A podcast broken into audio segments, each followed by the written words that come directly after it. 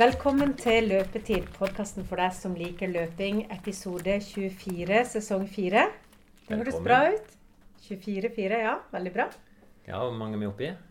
Fire, snart 100 episoder, da. Ja, kanskje. Jeg tror vi har vært eh, ca. 25 episoder i året. Så Ja. vi ligger jo godt an i dette året.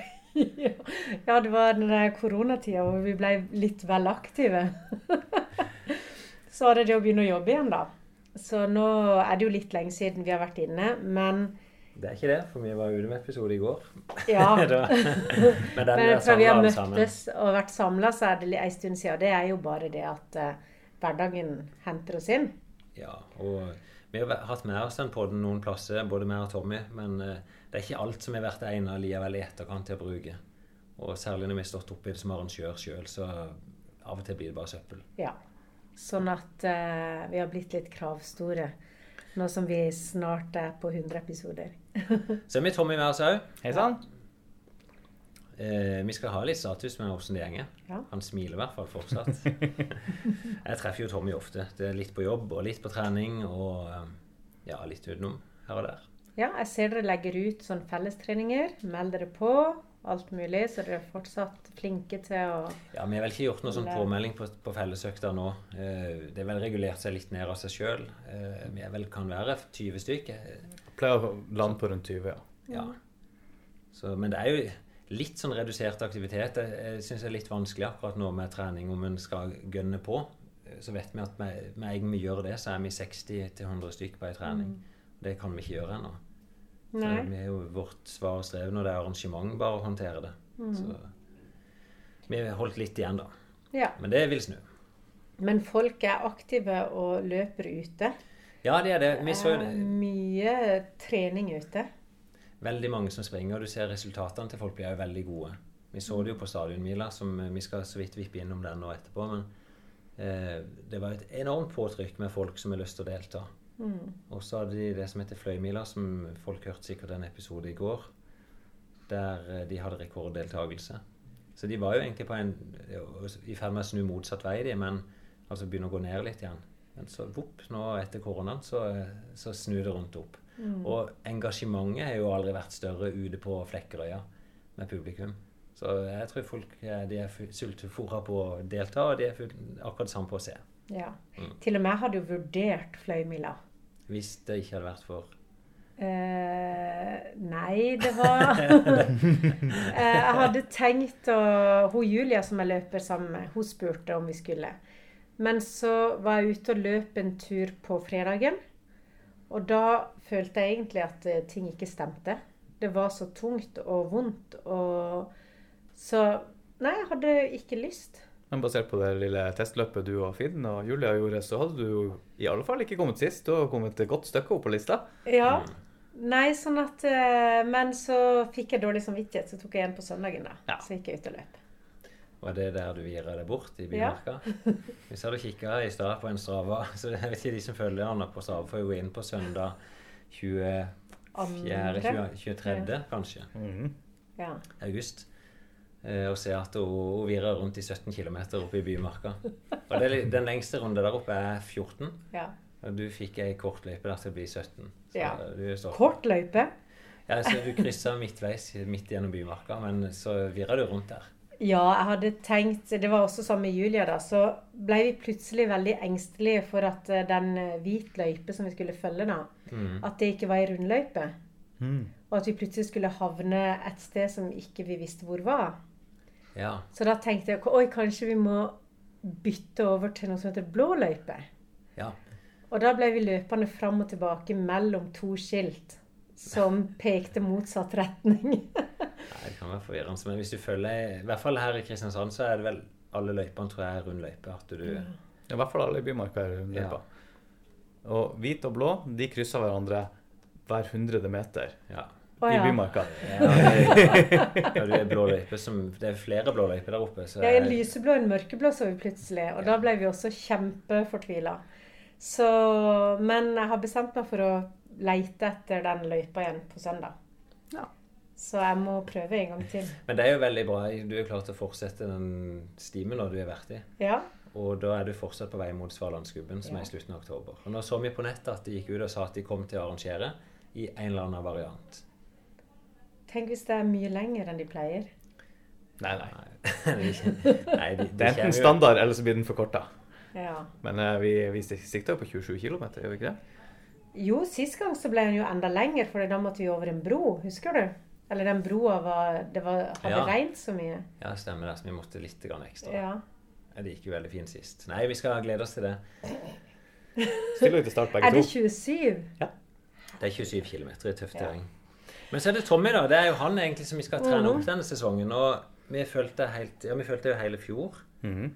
Og så fortsatte du inn i år. Og kanskje noe av det siste folk eh, hørte fra deg, det var på testløp. Der du skulle prøve Målet er jo 1,40 på halvmaraton i år. Ja. I Oslo, som er avlyst. Mhm. Eh, det vil si, de kjører et eliteløp, men der tar du neppe plass. På, du er ikke kommet opp på det nivået ennå. Nei, ikke helt. Men eh, du sprang testløp på 1,45, var det? 1,42. 1,42. Og tydelig blitt mye bedre enn i fjor. Men så er det vel gått litt verre etter det. Ja, altså det gikk egentlig veldig bra. Et, det var, dette var jo 1. mai. Mm. Så jeg hadde en god periode fra 1. mai og gjennom hele mai og juni. Hadde litt tungt rett etter løpet, men så kom det seg igjen. Um, og så tippa vi inn i juli, og så begynte det å skje ting som ikke nødvendigvis var så positivt. Og det var rett og slett eh, vondt, vondt i foten. Og da, du trente jo veldig bra. Jeg husker de siste økt, treningsøktene du hadde der, så kunne du avslutte løpeturen ned mot 4.10-4.15 Mm. på kilometeren når du virkelig hadde dagen, uten at du lå og hang da, sånn som du gjorde før. Ja, det føltes veldig bra. Ja. Så siste økta jeg hadde Den lørdagen vi kan si at jeg ble, ble skadd, da avslutta jeg siste, 10 kilo, eh, siste draget på en 10 ganger 1000 på 4,12. ja. Og det føltes helt Ja, perfekt. altså, du har egentlig hatt en vel, nesten et år med god trening, da. Mm. Også, men hva har skjedd, da? Hva er det du har hatt vondt? Nei, altså på nedjoggen etter dette draget, da, så øh, jogga jeg med, med Jørund, og så eh, sier han at ja, det er bare viktig å ikke bli skada nå. Og så lo vi litt av det, og så kjente jeg det kneip under foten. Um, og så ble det verre utover kvelden, og så neste dag tenkte jeg det får vi løpe vekk, så da tok jeg meg en øh, liten 12 km tur i skogen. Mm. Så ble det ikke bedre, så gjorde jeg det samme dagen etterpå. Og så gikk jeg til fysioterapeut Mm. tredje dagen, og da fikk jeg beskjed om at du får ikke lov å løpe på et par uker. Eh, og en eh, kraftig eh, Hva skal jeg si ja, Liten betennelse og en strekk i planarfasitten. Ja. Så det er jo det er en ganske klassisk løpeskade, da. Men kjip. Var det det han identifiserte som er i gang? At det var irritert plantarfasitt i festet? Ja. Ganske umiddelbart. Det, det er jo en skade som er, er veldig vanlig. Faktisk ikke bare blant løpere. Altså Folk kan få det av bare å stå i butikk. Og jeg tenker på det at du er jo veldig til å gå. Mm. Du labber jo rundt eh, De som er i byen, de vil få kjenne deg som et byfjes etter hvert. Og du labber så mye rundt i gatene her. For det jobben din er selvfølgelig er da å springe rundt og hjelpe bedrifter som trenger IT-hjelp. Men den belastninga kan du òg legge på løpebelastninga di. Ja, ja. Um, det finnes vel ikke en eneste dag nesten fra 1. januar til 10. juli hvor jeg hadde under 20 000 skritt. Mm. Så det, det, det har blitt litt gåing, kan du si. Ja. Absolutt. Skal vi bare ta inn Joakim, da? Kan vi ta? Hei, Joakim. Nå kommer Anna ned og henter deg. Nydelig. Ha det. Men OK, det er godt. Du blir skadd. eh, Du trener to-tre dager, og så gjenger du to uker. Mm, Egentlig uten å trene. Uten å løpe, i hvert fall. Uten å løpe, ja. Ja. Um, da har jeg putta inn litt, bitte litt sykkel, som viste seg at det var heller ikke bra. For når du presser hardt med forfot på pedal, så får du samme vondten. Um, så jeg kutta ned på sykkel også. Mm. Um, men uh, rulleski, det fungerer. Stemmer. Det begynte vi med. Det har jeg begynt med. Så nå har jeg plutselig begynt å gå på rulleski og bli identifisert av rulleskifolk som eh, at jeg har bytta, sportsgren nå. Um, Det er faktisk veldig effektivt. ja, det, det, det er god trening. Jeg får ikke den samme Hva skal jeg si Jeg, jeg, jeg, får, ikke, jeg får ikke tømt meg like mye på dragene på rulleski, men, Det- men det er jo en time med å holde seg i sone tre er jo fortsatt bra, det. Så Ja, da får du jo trent hjertet. Det som er vanskelig, er jo Nå har du holdt på med det i fire uker. Ja, seks uker. Fire, ja. Mm. Ja, på rulleskiene. Det vil si ikke sant, du har vært seks uker uten løpetrening, mer eller mindre.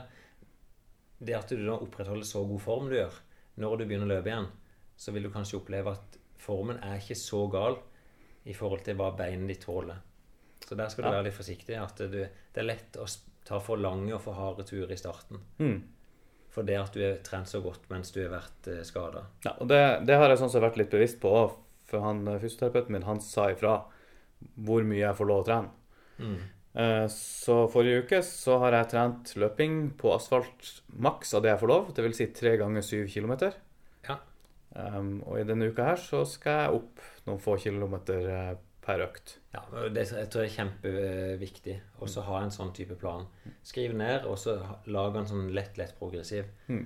Og hvis du møter altså får eh, problemer underveis, eller bare juster planen ned. Ja. Og så fikk jeg også beskjed om at det absolutt verste jeg kunne gjøre, var å sette meg ned og ikke gjøre noe.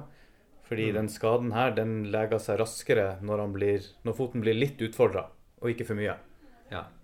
Det er jo det. det er nesten all skadebehandling det krever at du har noe form for bevegelse. Mm. Og bevegelse gjør at du får sirkulasjon, og sirkulasjon er bra. Ja. Så er det for meg besøk av Joakim òg her. Veldig fint at ikke vi har noen vindu som kan åpne her, da. Sånn at vi får bare puste litt uh, uh, om kapp. Er vi live? Vi er live. Oi, oi, oi. Vi er jo ikke, ikke mer live enn at vi kan klippe. Så dette funker. Er skjermen borte med god gamle radiosender? Ja, ja. Det det. Hva føler du nå? Oi, kan du klippe det bort? Nei, Vi har akkurat vært innom Tommy, da, som har vært skada i noen uker. er på vei gradvis tilbake. Mm. Så det vi kan liksom Vi har oppsummert hvor han er. Men hva er målet egentlig nå? For det at målet er jo tatt bort for sesongen i forhold til Oslo. Ja, og det var jo egentlig så var jo mitt mål i år Berlin, som i hvert fall er borte. Ja, det var maraton i Berlin. Ja. Ja. Uh, og det følte jeg jo lå i, egentlig i rute til uh, fram til 5. juli. Men uh, nå er jo det ute av bildet. Ja. Uh, jeg har meldt meg av Stavanger Maraton, som er til helga. Gitt vekk min billett til det. Um, så mitt eneste mål Mitt neste mål er Svalandsgubben. Da skal jeg løpe så fort jeg kan. Igjen.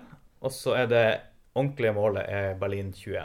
ja, Så du bare justerer alt ett år fram. Ja, så får jeg heller bare justere klokka litt også, og løpe litt fortere til neste år. Vi blir ikke kvitt det, i hvert fall fra løpetid. Det er sikkert.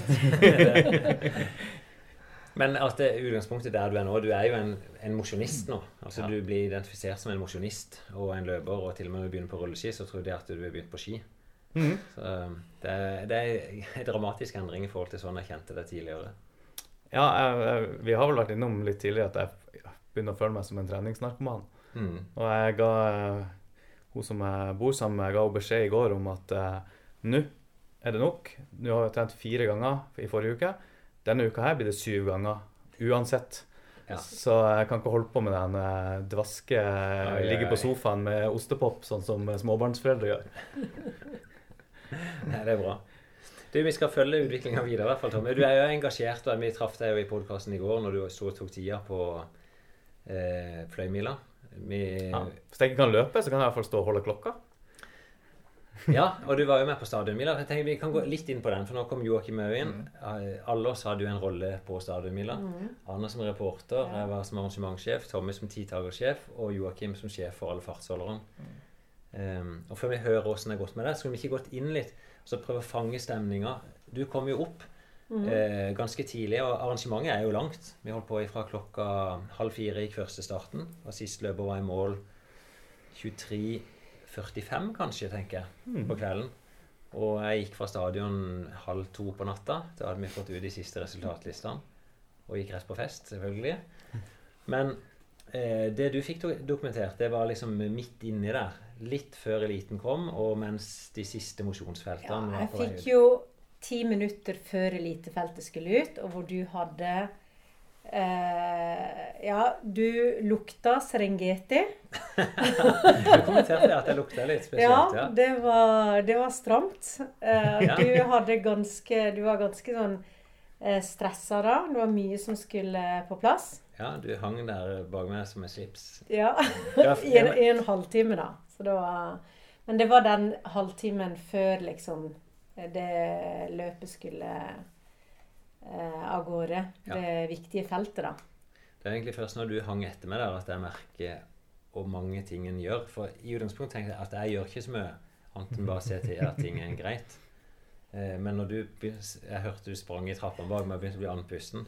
Ok, greit. Det, det er en viss aktivitet. Ja. Men du var den eneste som sa at det lukta vondt den kvelden. Men vi, vi andre er vant til det. ja. Jeg syns titagerne òg lukter vondt. så det er greit. sånn. Men skal vi gå inn og så høre på den stemninga først, og så kan vi gå inn og analysere litt av løpet etterpå? OK, Kim. Da Dette er det raskeste jeg kommer rundt eh, på stadion noen gang. Er ikke det gøy å følge eliten? Det er jo ikke liten ennå. Dette er siste løpet før eliten. og De starter om 30 minutter. Så vi er kommet så langt. Det er jo nå finalen vår blir. Og det koker eller bobler litt inni meg. Det gjør det. Det gjør det, Ja. Men hva syns du egentlig om arrangementet? Dette er faktisk mitt første friidrettsarrangement Ja. ever. Det er veldig rart når det er så få tilskuere. Ja. Vi har jo bare 140 mennesker inne på banen. Ja. Eh, og så er vi 60 løpere. Og så har vi noen som har etablert seg litt sånn utenfor her. Men de fleste ser oss jo på stream, så du får ikke det inntrykket av hvordan det egentlig er. Men det er flomlys, og det, det er jo en opplevelse av at dette er et bra stevne. Og du, du har stevnefølelsen? Ja, jeg har det. Men uh, hva har vi sett for noe i dag? For jeg har jo bare sett folk løpe rundt og rundt, og jeg syns det går dritfort. Ja, vi begynte halv fire med 10 000 meter for de som sprang eh, saktere enn 50 minutter. Og så er det bare gått trinn for trinn nedover. 42 til 48, 39 til 42 osv. Så, når, og inni der så hadde vi 800 meter. Nå ser du jo Sigurd Tveit på intervjuet her borte. Forsøk på å sette kretsrekord. Og, eh, kretsrekorden er jo 1.48,69. Han sprang vel på 1.48,78. Nei. Så det er 900 del bak. Så han er fortsatt bak. Ja. Så nå er Men hvorfor er det 800 meter på, eh, på stadion? Det, det er når vi først klarer å samle så mye gode folk, så, så er det lett for oss å legge inn eh, konkurranse for de beste kortdistanseløperne òg. Så det blir bare et sånn lite brekk i programmet. Ja. Ja. For det at det går fortere, så folk syns det er gøyere å se på? Er det derfor? Ja, Ja. For jeg syns det var litt gøyere å se 800 meter. jeg skjønner det, men bare vent til du skal se Sondre litt på 10 000. Ja. Det blir helt magisk. Men eh, jeg ser eh, eh, Joakim har drevet og løpt nå som fartsholder. Ja, han er, han er, jeg tror det er tredje fartsoppdrag han er ute på. Og Nei, men han springer ganske rolig til han å være. Så han springer vel, jeg lurer på han springer fem kilometer, at han gjorde det på de forrige, i, i fart, som for han er nesten litt sånn hurtig joggetur. Vi ser han utpå her nå, da leder et felt. Dette er gruppa fra 34 til 36 minutter. Um, og det er jo et haleheng der på 10-12 stykk bak han. Så skal vi bare opp til titakerne. Og ja. De må bare ha jo lukte at du har jobba dag, Finn. Lukter jeg vondt? jeg frykter vel det. Jeg, var, jeg begynte jo tidlig da tidlig, så jeg, jeg var hjemme om og bare bytta til skjorte. Men det hjalp tydeligvis ikke nok. Se der, gutta. Her er startlista på dette. I dette feltet så er det de som er hovedtidtagere. Sånn at det, dette blir nesten som trening for dere på dette løpet. Og så kommer jo timesløpet etterpå. Og da skal de ha 10 000 målgang. Og så skal de ha 20 000 målgang. Det er det dere skal tenke på. Ja, Så 25 runder og 50 runder. Men etter 10 000 så er det bare tre løpere som fortsetter. Ja, men det vil si at fra og med førstemann går i mål på 10 000, så lar vi kameraet stå åpent Ja. til det var tre igjen som løper. Så kan vi ikke lukke det da til vi nærmer seg 20. ja. Ja. Ehm, men er det bare det der og det hit? der? Eh, nei, så er det to hit etterpå. Å ja, så det, det, neste det er rekordforsøket? Ja. Og så kommer det to eh, To vanlige 10 000 meter. Og da så, så tar jo det Det vil jo ta litt, litt tid fra de er i mål og til alt er ferdig på papir og sånn. Ja, men eh, du trenger ikke bruke tid på dette. Nei, da lager vi bare Men, men klarer de ikke å hente ut tidene på 10 000 på de andre? Ja, men på, de- mens Sondre og de springer? For dere har jo en halvtime der. Det er bare å fortsette å jobbe. Det, ja. For du kan bare plukke de inn. Ja, ja, ja. Mm. Det kan du. Ja. Jeg håper dere skjønte det, for jeg skjønte det ikke. Veldig bra. Eh, Lykke til, da. Der kjente jeg også at dere jobba. I kjeften? Ja. ja det, det er rart hvorfor det blir sånn. Men jeg har jo nest, jeg vil ikke spist noe i dag, da. Nei, men ikke du. Nei, der inne, ja. Sånn. Um, er vi spiker òg? Hei, Ola. Er vi kontroll her oppe? Ja, ja. Jeg har kontroll. Jeg så kommentarer. litt hektisk i stad og tudla og meile, men eh, nei, det var greit, dette. Mm. Jeg var ganske effektiv gjennom der. Ja. Men uh, jeg sto på Facebook så jeg på Norsk Mellomhjul sånn, at det var en, voldsom spiker. Så.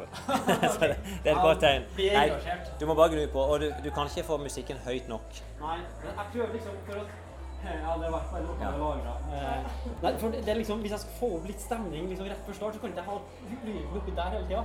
Nei. Så jeg prøver liksom å juste litt, så, så mot slutten så skrur jeg opp lyden. Ja. Ja. Men det blir litt hektisk. Ja, ja, jeg skjønner jo det. Det er en veldig bra jobb du gjør. Og dette er Nå gøy. skal jeg, nå skal Men det vi må huske på òg, etter dette så må vi ha publikum ut igjen. Og inn. Ok? Så- Ja, jeg vet det. Men med en gang alle er i mål, så er det bare å få de ut, og så inn igjen. Jeg. Det som er spesielt i dag, da, er jo pga. den korona, så må vi ha noen smittevernregler. da, At vi må tømme stadion. Ja. Sånn at ikke, så vi har kontroll på hvem som har vært her innenfor gitte puljer. da. Og så må alle skrive seg opp, eller? Alle må skrive seg opp. Ja. Så de har vært og lagd liste da, på dette. Så noen er her jo alle, alle tidene, men de må ut, og så må de inn på et nytt arrangement. da. Så jeg tror nok jeg må bare ned og så gjøre klart det siste. Ja.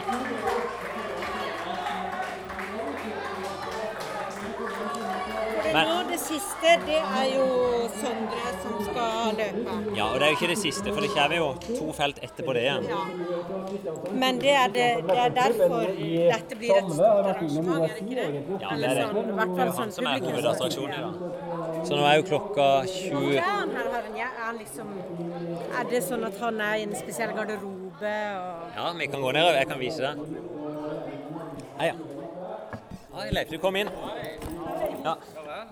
Ja, men jeg, jeg, Det er nå ca. 120 meter. Jeg kan ta meg ned der. Har vi sånn cirka kontroll? Ja, vi har sånn cirka kontroll. Det, det, går, det gikk mye bedre nå. Ja. Vi må jo etter dette så må vi tømme ut igjen og så inn. Ja. Men nå har alle sjanse til å få opp litt fri, så nå kan alle bare Vi kan være ut og så inn igjen.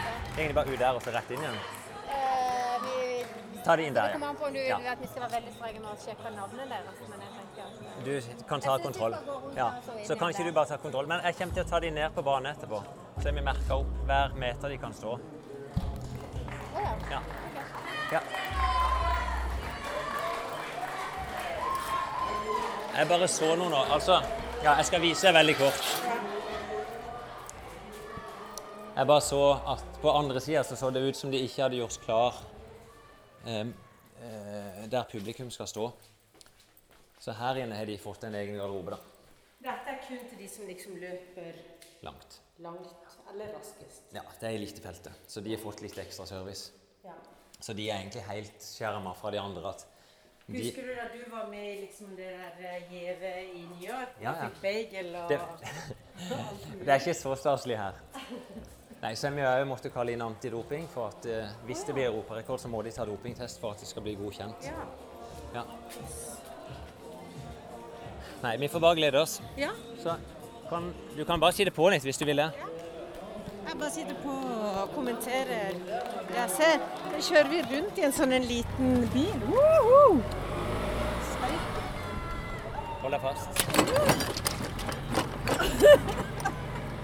Dette er veldig Eh, Kai, det ser ut som du bare er gjort klart her, men ikke der.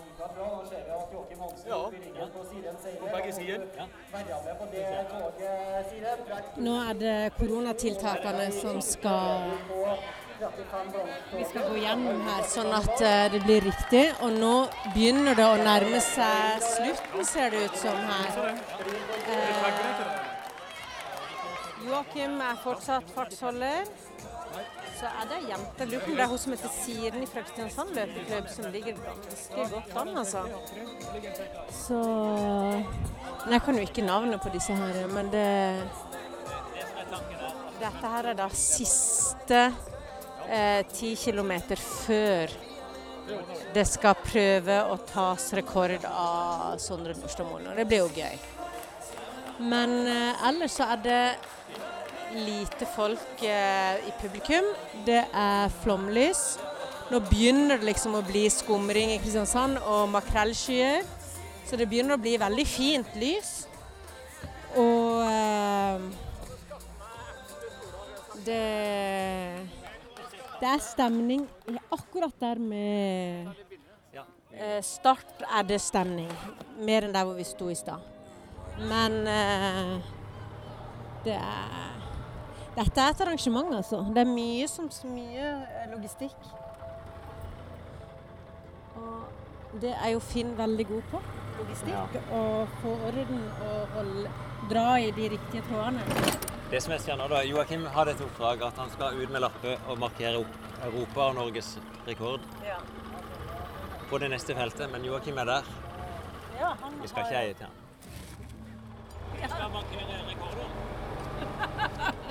Han ser ut som han har det gøy.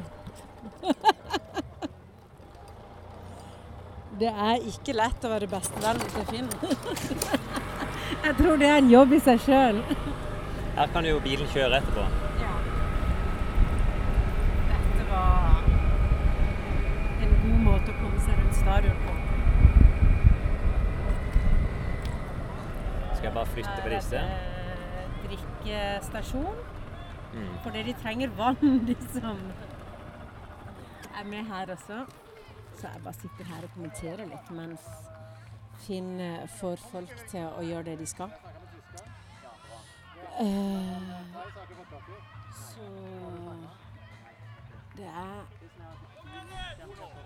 utrolig å se hvordan de på en måte kjører på og kjører på og kjører på. Noen har blitt tatt igjen en runde. Eh, Noen har nesten blitt tatt igjen to, tror jeg. Men eh, de gir seg ikke. Det er en del publikum utenfor stadion. Så det du hører folk rope i bakgrunnen, de er faktisk på gressplenen utenfor stadion, utenfor tribunene, har det samla seg folk. Pga. at det er så strengt med koronatiltak.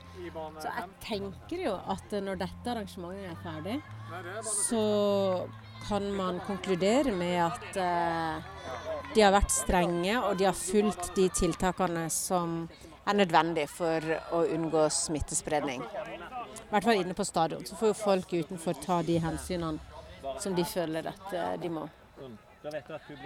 Men det Finn holder på med nå, da, det er å passe på at alt er i orden til eh, det neste heatet. Og nå drikkes det. Nå har folk behov for eh, påfyll. Så det står eh, to stykker og, og gir vann. Så eh, dette her er Det er god stemning. Det er fint å se at eh, et eh, løpsarrangement Men bare vær her, da. Det er fint. Jeg trenger, du, det de ikke kan gjøre etterpå, det er å håndtere de folka som er her, bare liksom at de stender med litt avstand. Kai er på vei.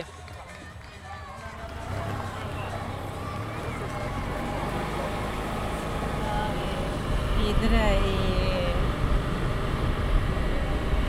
bilen. Se. Kai,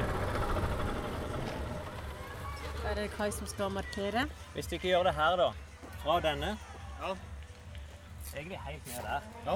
Og så 60 meter opp, akkurat opp til der banen Borestene. I bane 5.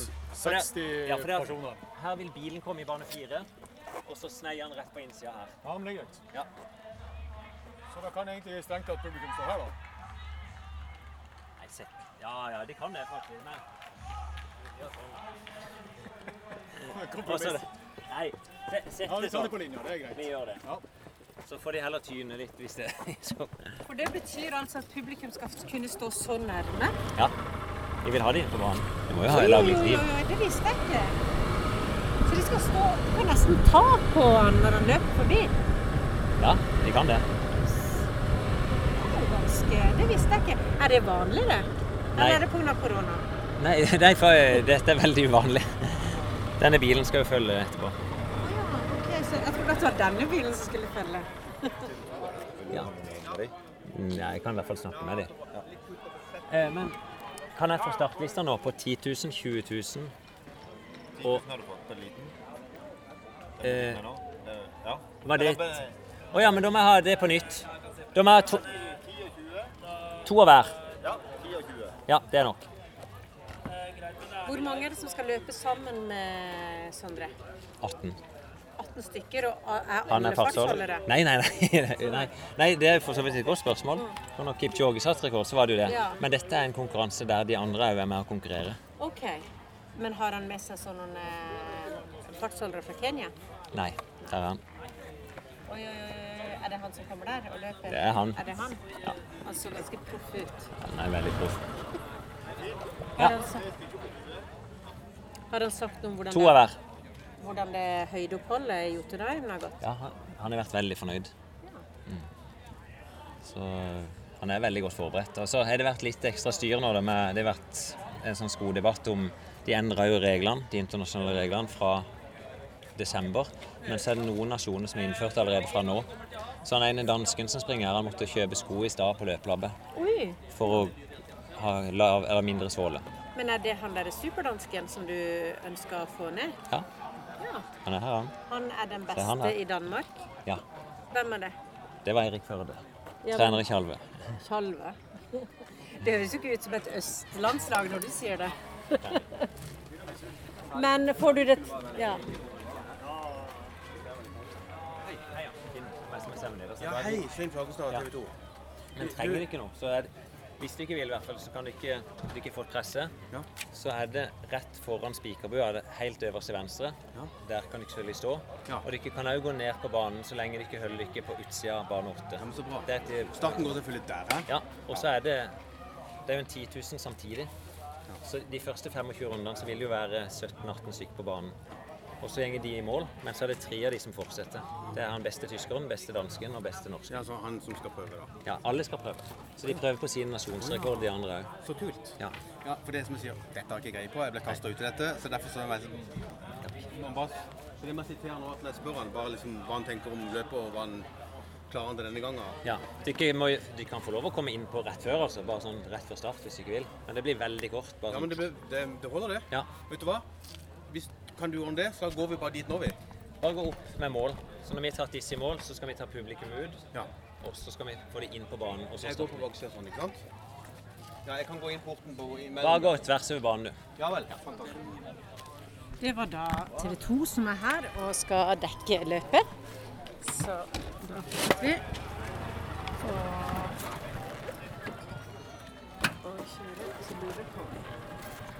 Det er jo det er i hvert fall én vogn til her, så Martin er ikke eneste babyen som er på arrangementet. Det er alltid godt. Skal jeg se om det var mer vann igjen. Det var det ikke her. Bare plassere under vann på drikkestasjonen. Det var Marius Vedvik som er en av de beste. Oi, som skal løpe. Ja. Ja, han er det. Han er de som tar betalt overnattinga. Men eh, du sa til TV 2 at det var beste dansken, Ja. beste tysken, Ja. beste nordmann og Det er det. Det er det. Ja. Og de skal alle prøve å ta sin nasjonsrekord. Ja. Det er veldig kult.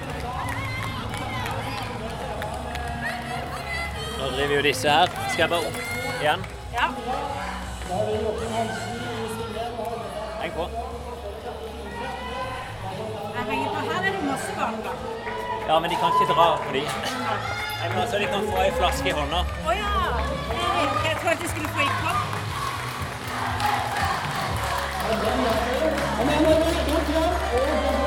Springer Joakim i mål. Ja.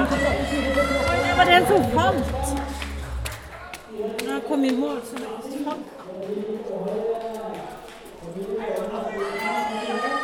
Dette her er Nå har de gitt alt, altså. Fy søren. Joakim er ferdig. Det å følge Jeg tror jeg kommer til å lukte akkurat som Finn etter dette. Det er ganske heftig, så det er skummelt å gå på tribunen. Og så har vi Nordvik i mål på 35-22. Ja, jeg har en tid. Vi har bestilt pizza. Det kommer etter hvert. Dette er 10 000. Dette er de som fortsetter. Med en gang eh, alle er i mål, så ber vi publikum gå ut, og så forbereder vi med en gang. Med en gang. Så, og da skrur du bare av, blåser litt i fløyte. Ja, men det er Her, Hermane på dialekten min der. vi kan ikke ha det sånn på neste løp. Vi står på streken. Ja, men det, det skal jeg ordne. Ja. Regelskikk og sånn. Det, ja, som jeg sa, dette var bare et overløp for dere. Det Så, er greit, det. Men, men, men det er dette som teller. Da skal jo disse i mål, ja. og så skal de registreres her på 10, altså ikke sant, 20 000. 10, 20, 10, 20 og 1 time. Ja, men 1 time har ikke dere noe med å gjøre. OK. Nei. Nei. 10 og 20 000, altså.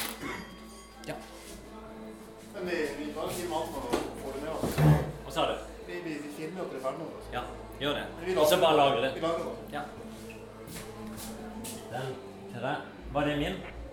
Eller var det deres? Nei, vi kommuniserer bare over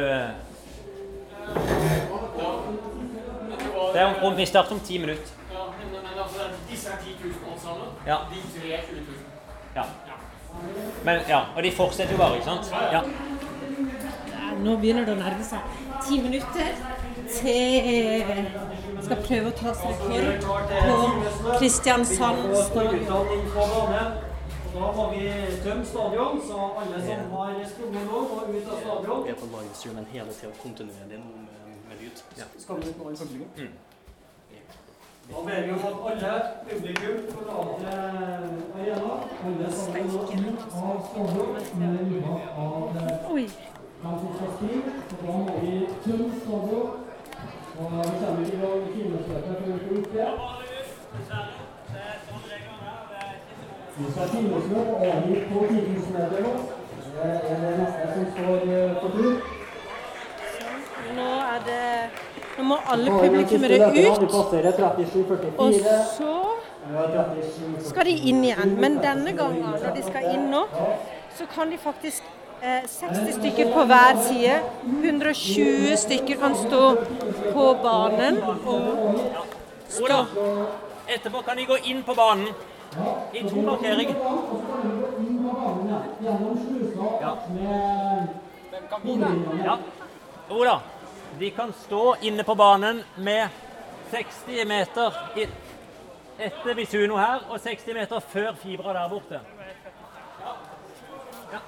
Hvis de er veldig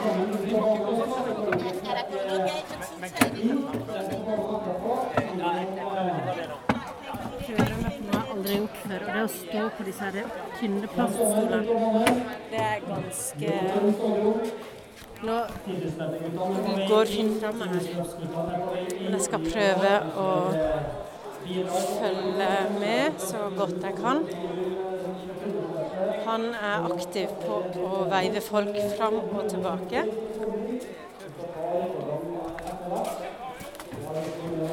Her mye som foregår på en gang. Det er bare Det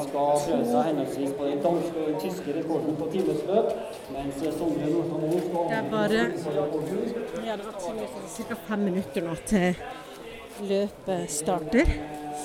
Og eh, det er jo selvfølgelig mange som har lyst til å få med seg dette her, folk fra løpsmiljøet. Jeg kjenner jo igjen en del ansikter fra Kristiansand løpeklubb bl.a. som har Oi, oi, oi. Så Og de er ikke veldig, ikke veldig treige nok med. ja. Nei.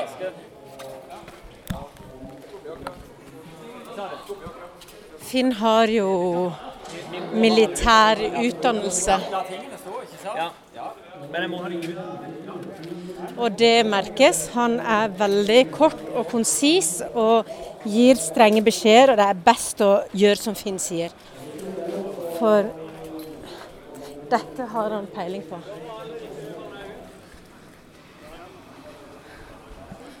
Men du er litt tid på det. Hva- Du har bare én oppgave etterpå. Der står med Ola di. Forstår meg. Ola di. Du, ja, vent. du skal bare telle rundene på eh, Theis. Ja. Hvis vi skal ha folk her, Ja. hvor du mener vi skal kjøre? Der. De skal stå med sperrebånd bak. Ja, men- ja, men bare jeg tar rundt om det. Så, ja, bare husk på, for at vi holdt på å kjøre på en på Bislett. Det må vi ikke skje her nå. Men vi kan kjøre typ ti meter i bane to hvis du vil det. Men du ser. Bak. Alltid noen som har noe de ønsker å få til. Ja. Sånn. Men dette er imponerende, fint. Fikk vi all ut. Ja, jeg tror du bruker kombinasjonen av fembarnsfar og militærutdannelse. Men nå tror jeg vi skal slippe oss, og så sier vi at eh, vi høres etterpå. Eh, Joakim, og vi fikk jo så vidt høre at du også var der. Som du måtte jo løpe rundt og rundt som en hare. Bokstavelig Eh, talt. og jeg, så, jeg sa jo i dette innslaget at det å være bestekompisen til Finn, det er ikke bare bare. Nei, det er jo et helvete. Det er det. Man blir jo en kasteball. Samtidig så er vi jo trygge på hverandre. Men jeg løp jo først harde på de som skulle under 35 minutter. Og da løp jeg jo helt til mål. Mm. Og da var det litt gøy. Jeg dro inn ei som tok en ny norsk juniorrekord på 10 000. da. Eh, Ei fra Gular. Og så Ja, på 34-40 nå, var det? 34-40 eller noe. Ja.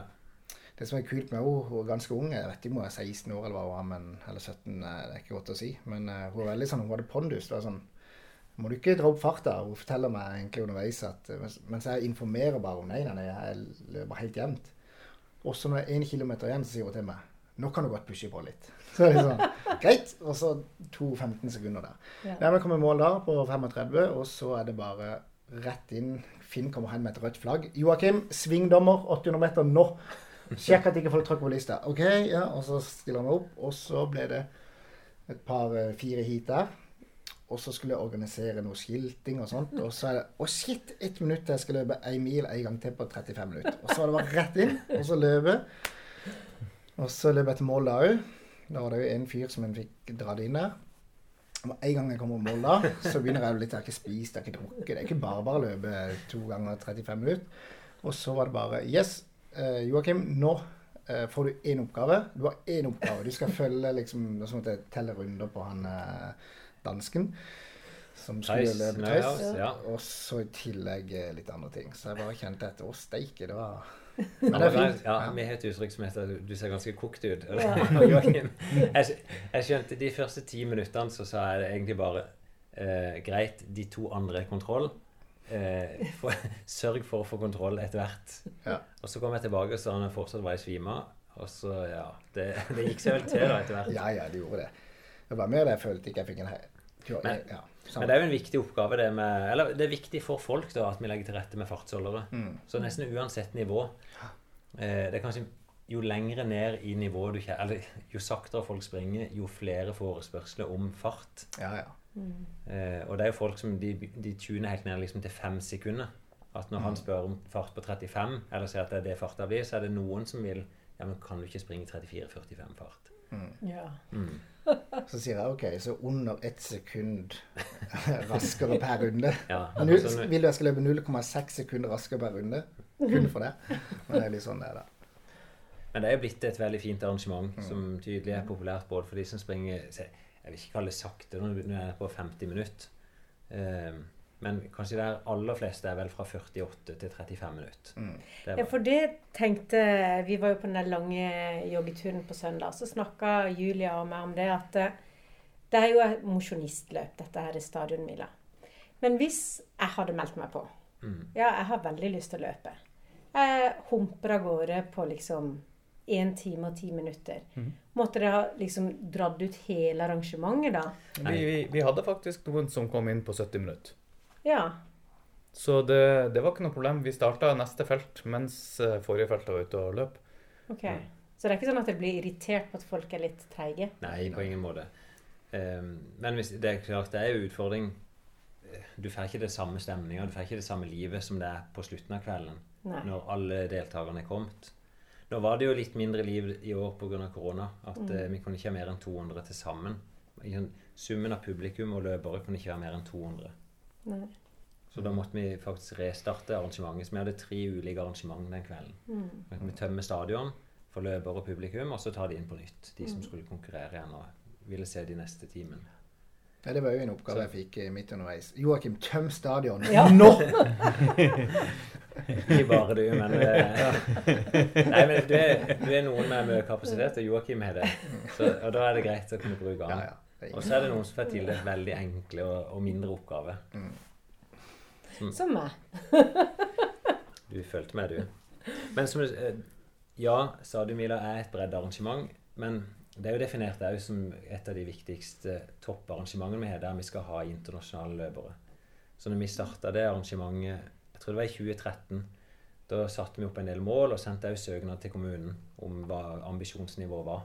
Og det var at det skulle være et internasjonalt løp der de, folk kvalifiserer for internasjonale mesterskap. Så Og det som var greia, da, som ikke vi fikk i dette innslaget, det var jo det at eh, eh, Sondre skulle ta en rekord. Ja, det var det vi hadde lagt opp til. Vi hadde jo Sondre satt norsk rekord i fjor, på 27-24 på 10 000. Og så snakka vi litt, det var jo en man i Kenya i vinter, og sa ok, hva er det som er mulig å få til? Eh, og når det da endte opp i korona, så var det liksom ok eh, Det frista ikke så mye for han å prøve på norsk rekord igjen. Selv om han sikkert var i stand til å gjøre det, så var det å liksom gjøre noe enda større. Og det er kulere å ta en europarekord enn en norsk rekord. Så så han jo at eh, timesrekorden, det var mulig å ta. Og han gjorde jo det. Eh, De fleste som hører på det, vet jo det allerede. At han sprang mm. 21 131 meter på en time. Og det er bare å prøve. Sett mølla på det. Det går fort. Med stigning. Det er, Når du begynner å komme opp i den farta, så er det faktisk sånn at vinden òg begynner å utgjøre litt forskjell. Ja. Springer der på 68 på hver eneste runde i 52 runder. Nesten 53 runder. Han, han springer jo mot de beste norske løperne, og til alle igjen. Og de skal løpe bare halvparten. Ja.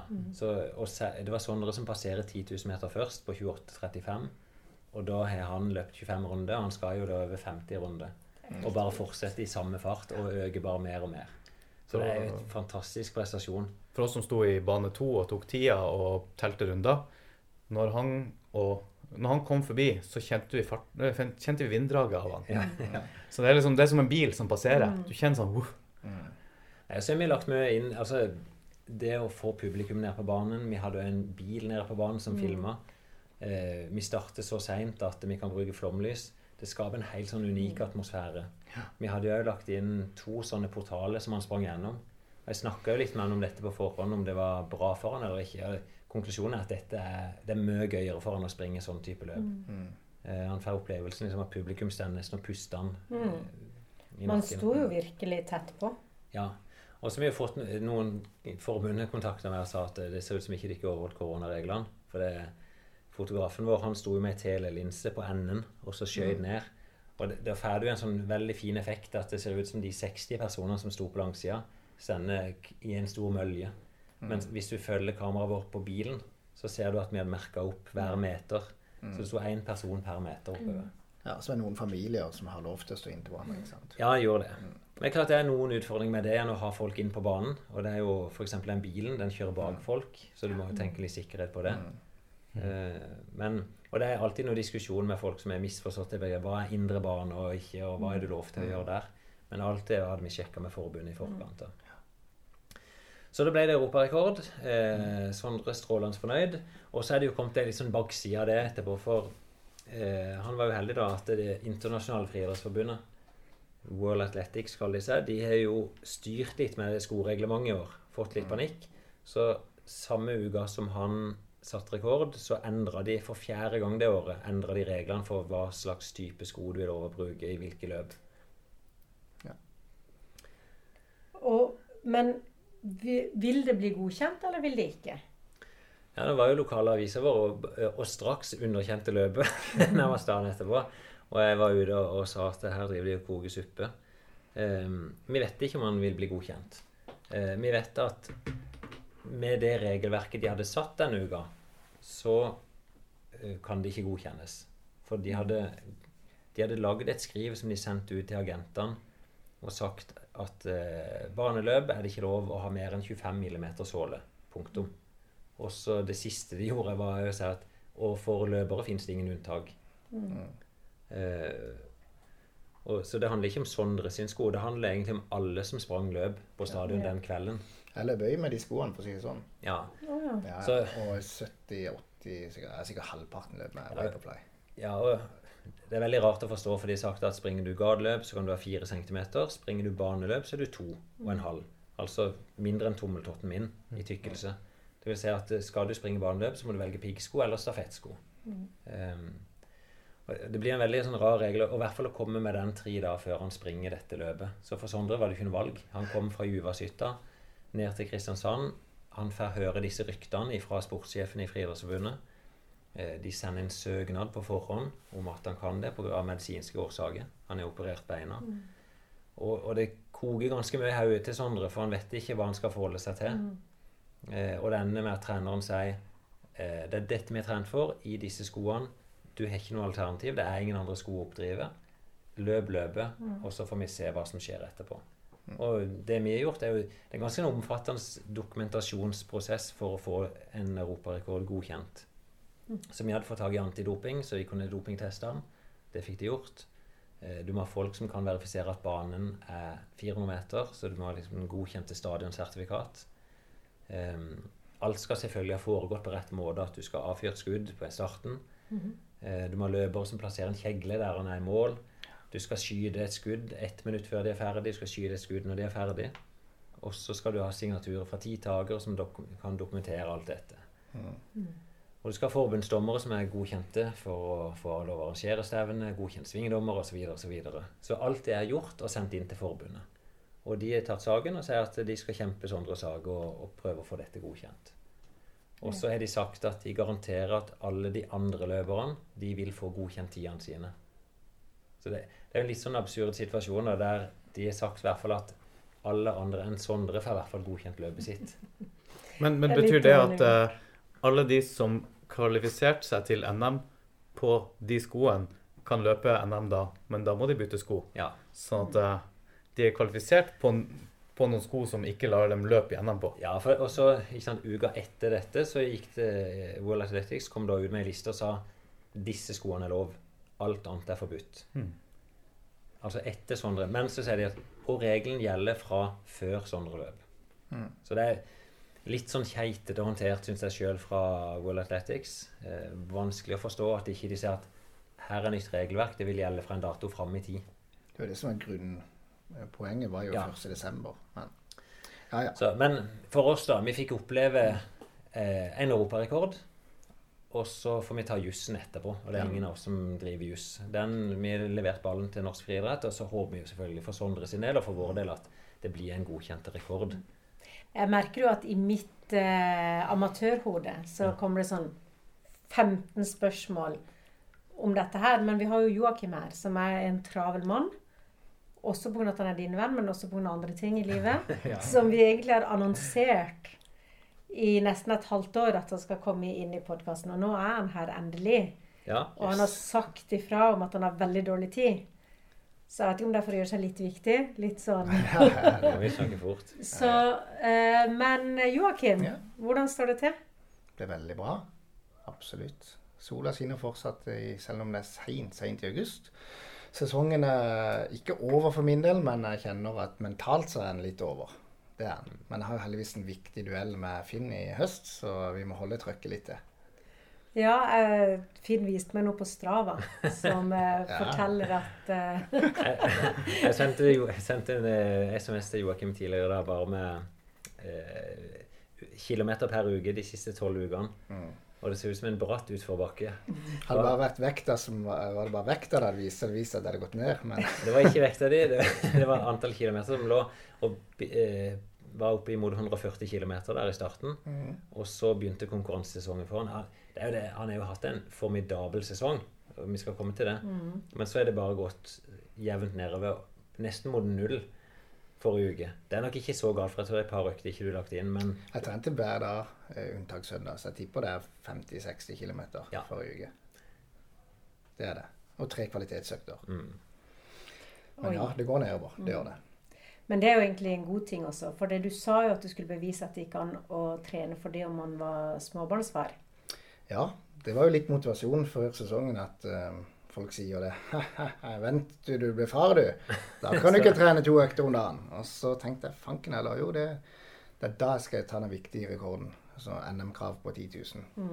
Og da var det jo ekstra digg når jeg klarte det, at, eh, at faktisk som far Jeg måtte bli far før jeg klarte å, å bli, eh, å ta, bli klar for NM, da. Så Ja, det var gøy. og var det den rekorden du drev og så kjørte rundt og prøvde å ta flere steder?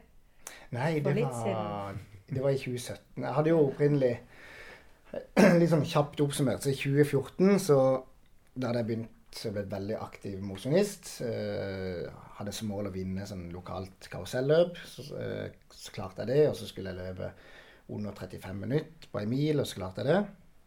Og så lagde jeg en sak i, altså det var en sak om meg i lokalsporten i Fjellandsvennen, hvor det sto at eh, ambisiøs sørlending setter hårete mål. Og da sa jeg allerede i 2014 at jeg skulle løpe 800 meter under to minutter. eh, 3000 meter under 9 minutter og 10 km under 32 minutter. Så da sa jeg det allerede da for seks år siden. Det er jo ambisiøse mål. Mm. Det, det var ikke mange som heiv seg på og sa at dette kommer til å gå fint. Nei, det var vel ingen, tror jeg. Ehm, så da var det jo da når jeg begynte å trene for dette, så i 2015 ny jobb, og så jobba og trente meg i senk. Gikk på en smell, var ute i ni måneder.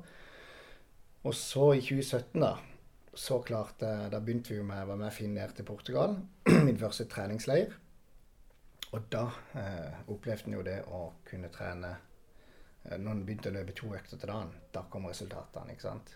Finn har jo sagt det. Den som løper mest, blir best. Den som løper nest mest, blir nest best. Og det er jo egentlig er nesten så enkelt. så enkelt. Så da, i 2017, da klarte jeg først 3000 meter under 9. Og da var det sånn check. Første mål uh, ute. Og så var det 800 meter. Og det var der når jeg prøvde første gang, så løp jeg på 2.00,36. Og så tenkte jeg ha-ha, dette er jo kjempeenkelt. Det er jo bare 36 hundredeler. Og dro etter Tyrving-legene.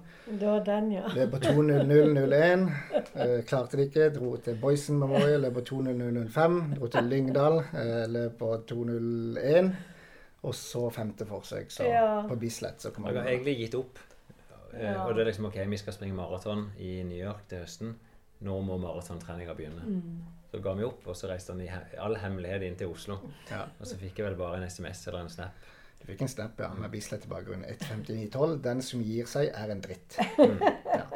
Nei, Så det var den. Og da gjensto den der egentlig siste forbannelsen, da, det å NM-kravet på 10 000, da. Um, så det var det jeg gikk for i ikke den høsten, for da var det under 33 som var målet. Først måtte en komme seg under 33 før en skulle under 32. Det klarte vi. Det klarte Finn og meg sammen i Oslo. Og så var det 2018 hvor det var hovedmålet. Eh, Ned igjen til Portugal. Eh, Veldig bra treningsperiode på våren. Prøver på Bislett på sommeren. Eh, Bryter halvveis. Sleit veldig med en hæl. Prøvde igjen i oktober på Hytteblandmila. Eh, Gikk på en kjempesmell. Så kom inn på 33 høy. Og så i fjor så var det også følgelig planen. Da skulle jeg gifte meg. Jeg gifta meg jo på sommeren i New York. Og i forkant så var jo Finn meg ut og løp i skauen, hvor jeg trynte litt. Ja, Eh, så det tulles, tulla seg litt til, så jeg klarte det heller ikke i fjor. Og så var det i år da hvor jeg ble far i februar. Um, allerede ikke veldig offensiv i utgangspunktet for sesongen, for jeg jeg tenker jo sitt. Lite søvn og ja. Men så endte det jo med at jeg var bytta jobb. Skulle begynne i ny jobb i august. Just blitt far. Eh, har tre-fire måneder eh, pappaperm imellom her. Så tenker jeg nå eller aldri. tenker jeg. For å si sånn, det, kommer, det ble ikke noe bedre mulighet nå, da. Så vi flytta ut på ei øy rett utenfor Kristiansand. Så jeg kjørte jo med båt tur-retur to, to ganger til dagen for å leve. Så de som har hørt om Dørstokkmila, jeg hadde jo Dørfjordmila. Men veldig sånn bestemt nå i år skal jeg klare det. Og jeg har 1. august begynner jeg en ny jobb. Jeg bør ha det unnagjort før det. eh, Men det var liksom stadionhvila som jeg hadde tenkt å gjøre det på da. Så trente jeg knallbra fra mars. Kan ikke du tenke litt, litt av hva du trente òg? Mm. For Det er et godt poeng. ja. Men mars, da begynte jeg liksom å kjøre. Så tenker jeg jeg har jo hatt fri de siste tre vintrene, så har jeg hatt veldig lite motivasjon, så jeg har nesten ikke trent på vinteren.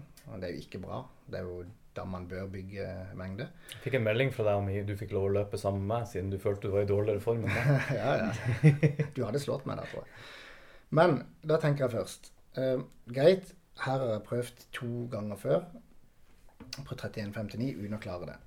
Så det å kopiere det opplegget, det handler om å egentlig løpe så mye en klarer. Mellom 12 og 14 mil i uka. eh, Og tre kvalitetsøkter, altså tre intervalløkter. Mm. Og Det har jeg prøvd to ganger, og jeg har fortsatt liksom, jeg har vært på skuddhold, men jeg har ikke klart det. Så da tenkte jeg jeg må gjøre noe, jeg må gjøre noe annet i år. Altså, jeg tror ikke det, jeg tror ikke det er realistisk å, å liksom bare Jeg kunne tatt mengder fra la oss si 12 mil i uka, eller 14, til 16 mil i uka. Da hadde jeg jo også klart det. Men det innså jeg at det er ikke mulig rent praktisk. Um, så da tenkte jeg greit, men da, hvis en gjør litt sånn småting, så har jeg bestemt meg for at de tre kvalitetsøktene, de skal jeg strukturere opp litt. Eh, litt sånn eh, eh, Ronny, nå husker jeg navnet, Finn. Eh, Lolosa. Ja. Um, jeg hørte på podkasten i det lange løp hvor en kunne sammenligne meg litt med han Ronny der som fortalte at han forbedra seg ett minutt etter han begynte å innføre Han kopierte Ingebrigtsen-programmet. Men med å innføre bakkeintervaller, da. Ja, det var det, ja. Så da tenkte jeg jeg skal ha 12-14 mil i uka totalt. Jeg skal ha tre intervalløkter, eller kvalitetsøkter. En av de skal være sammenhengende, i og med at jeg skal løpe 10 000 meter. Så mm, det er jo ikke pauser på en 10 000 meter. Mm. Det er jo sammenhengende. Så jeg ble flink til å ha økter som går da um, sammenhengende. Så det skal ei av øktene være. Ei skal være eh, med enten bakkeintervall, for både for styrken, for spensten, for liksom den der mm. uh, gutsen der. Alternativt skal det ha uh, Hvis ikke det er bakkeintervall, så skulle det være noe annet med fart. da. Sånn at liksom man fikk trigga, fikk laktat. Og så den tredje, det skulle bare være sånn Ja, det var ikke så viktig, men bare en klassisk intervall 10 ganger 1000 eller 12 ganger 1000 eller noe. Så egentlig to mil i uka. Nei, to mil om dagen. Mm. Og så tre hardøkter i uka. Ja. Som du strukturerte opp så enkelt som det. Mm. Og det fulgte jeg helt slavisk fra begynnelsen av april eh, og egentlig ut sommeren. Da- Og du gjorde veldig mye ei økt om dagen, gjorde du ikke det? At du heller strakk på den for Ja. eh, praktiske grunner. I og med at man bodde på ei øy, så er det sånn tur og tur med båten to ganger. Det er gjerne drittvær og storm og Så da istedenfor å løpe to ganger ei mil, så løper jeg heller én gang. To mil. Og det tror jeg også eh, Det har vi diskutert litt, Vinn. Ja, Det er, jo- større, jo større belastning. ja. Så du får mer utbytte av det, men det, det er vanskeligere å få gjennomført det. Det er det. Det er jo tyngre mentalt og fysisk sånn sett. Men jeg gjorde iallfall det. Vi diskuterte jo dette i studio òg, der Ja, Hoses konklusjon var egentlig at, At det gikk seinere, var det ikke det? Jeg syns jeg hørte det. ja, at kvaliteten kan gå ned. da. Mm. Og da lo du litt, for det er jo ikke sånn, helt sånn da at uh, man klarer alltid å løpe to mil. Det er bare dette det kjedelig, sånn i mitt hue. Jeg syns jo, det er jo sagt i Finn før, jeg ble jo trigga 100% av konkurransen eh, og det sosiale med løping. Løpe alene syns jeg er drittkjedelig. Det er ganske absurd siden jeg løper 14 mil i uka, men jeg syns det er kjempekjedelig. Men det å løpe sammen med kamerater, så ble det jo som hvilket som helst kafébesøk. Og se fine ting på veien. Og eh, når det er konkurranse, da Det syns jeg er gøy. Da, da virkelig lever jeg, da. Nei, så litt tilbake til Jeg kjente jo formen begynte å var opp igjen på mitt tidligere nivå, sånn i mai. Og så juni tok jeg en 10 km test. Da organiserte jo Tommy og de litt sånn vennelag på stadion. Da løp jeg på 32,45 og persa på 10 000. Jeg hadde 32,53 som pers. Og så Greit, det er fortsatt 46 sekunder ned til NM-gave, men eh, OK, vi er, vi er på gang. Ja, Nesten urealistisk langt opp. Ja, det er egentlig det. I og med at når du har vært, det å flytte seg videre når du først har vært god, det er jo Det koster. Så var det jo da en halvmaraton eh, i slutten av juni. Eh, Perseløpet inne eh, på eh, Skulle til å si Ja, det er jo Sand. Sand ja. ja. Og da var det jo litt mål å perse. Det var, jeg hadde pers på 1,14 og noe. Eh, og så var det jo Finn hadde jo pers på 1,12,26. Så det var litt gøy når jeg først skulle inn, og så tar han sin pers. Og det klarte jeg akkurat ikke. 1,12,30. Fire forbanna sekunder bak. Da følte vi her Kristian Kjørnholm alle passeringene rent Mm. ut at dette kommer ikke til å gå. Det ikke vi visste, var at på GPS til Joakim så trodde han at han hadde kontroll. Jeg hadde fire-fem sekunder buffer eh, i mitt hue. Mens jeg er jo ikke klokka nødvendigvis 21,1. Altså, det er jo ikke synka. Så der falt jeg i den GPS-fella som jeg håner andre for å eh, gå i. Så OK. Men uansett, det gikk ikke, men var godt fornøyd. Um, og så var det da uka etterpå så var harde for en som skulle løpe 8,45 på 3000 meter. Så det var fem dager etter halvmaraton, og så var det kjempemye vind og sånt. Og så dro jeg i 2200 meter, og det føltes ganske greit. Så tenkte jeg bare i alle dager, jeg har jo faktisk virkelig fått et formboost etter den halvmaratonen. Fikk jeg litt selvtillit, så greit. Heiv meg på litt sånn dueller med en som heter Lars Aanesen, eh, 3000 meter. Det var ikke planlagt for min del, men greit, vi kjører på. Og da løp jeg på 8,43 uka etterpå. Og det var jo liksom Det var raskere enn jeg hadde trodd sjøl, men det var jo kjempegøy. Og så var det en 10 km på Bislett. Eh, samme, det samme stevnet som jeg klarte 1.59,12 på i 2017. Meldte jeg meg på der, og da var egentlig målet litt Drømte Du kan pine meg gjøre det nå, Joakim. Du kan løpe 31,59, men eh, jeg skal iallfall perse. Jeg skal komme nærmere den der magiske grensa, iallfall. Og så i forkant av 10 000-meteren så prater jeg litt med Du begynner å regne litt, prøver å gi deg sjøl selvtillit. At du er i stand til det. Så det man går inn, man går inn og analyserer alle data. Altså hva har jeg gjort? Gi meg, gi meg sjøl fem argumenter for hvorfor jeg kommer til å klare det. Og det fant jeg. Det ene var at yes, de siste 16 ukene uh, Sist gang jeg ikke klarte det, da hadde jeg 11 mil i snitt. Mens nå har jeg 12,2 mil i snitt i uka. Ok, og Så begynner jeg å regne, det er jo faktisk til 15% Og hvis du Mm. omgjør det til sekunder, så er jeg innafor. Det andre var at jeg, det faktisk Jeg veide tre kilo mindre nå enn det jeg gjorde sist. Og Finn har jo en regel som sier to sekunder per kilometer per kilo. Så da regnet jeg hm, bare der har jeg ett minutt forbedring, bare på vekta. Hvis den skal følge den. Og så var det en, et annet at det at jeg hadde innført nye det med bakkeintervaller og sammenhengene. Jeg hadde gjort bedre arbeid på det. Og i tillegg hadde jeg jo da disse løpene i forkant som boosta litt. Så Og de tenker, kontinuerlige turene òg. Du har vært Ja. veldig god på det. jeg har vært god på å gjøre, gjøre den jobben. Og så prata jeg litt i forkant med Kristian Tjørnom. Han sa jeg syns du skal gå for 31,59. Og så bare eh, enten gå Og smeller du, så perser du uansett. Så prater jeg med Finn, så sier han 32,24 timer. han. Mm. Og det er fair enough, basert på at jeg en måned siden hadde løpt på 32,45. Så var jo det sånn sett eh, Så, vet, så vet jeg når du smeller, så er det, det smeller mer enn du tjener på å åpne for offensivt. Ja. Så gikk startskuddet da. Jeg kjørte inn, tok med meg kona og han lille Tidemann. Eh, satt de på et hotell på, eh, i Oslo. Vi hadde en veldig fin tur, altså, men også bare dro jeg inn på kvelden. Eh, jeg kom i A-heatet, det raskeste. Det vil si at jeg var treigest i det raskeste heatet, sånn, eller rundt der. Så var det Christian Blumenfeldt, han som eh, Ja, verdens beste triatlet, vel, så å si. Som var i front. Og så hadde du et tog med løpere. Og så helt bakerst på halen så hang jeg i ei runde. Og når 24, met- eh, 24 runder igjen, så bare gikk toget.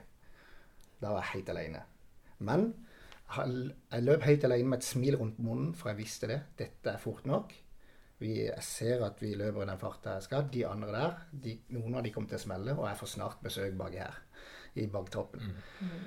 Og Da klarte jeg å omgjøre det, istedenfor mens jeg vet folk som så på streamen, tenkte å shit, Joakim er kokt, han er helt alene bak, nå er han ferdig. Men i min tur hadde jeg stålkontroll hele tida.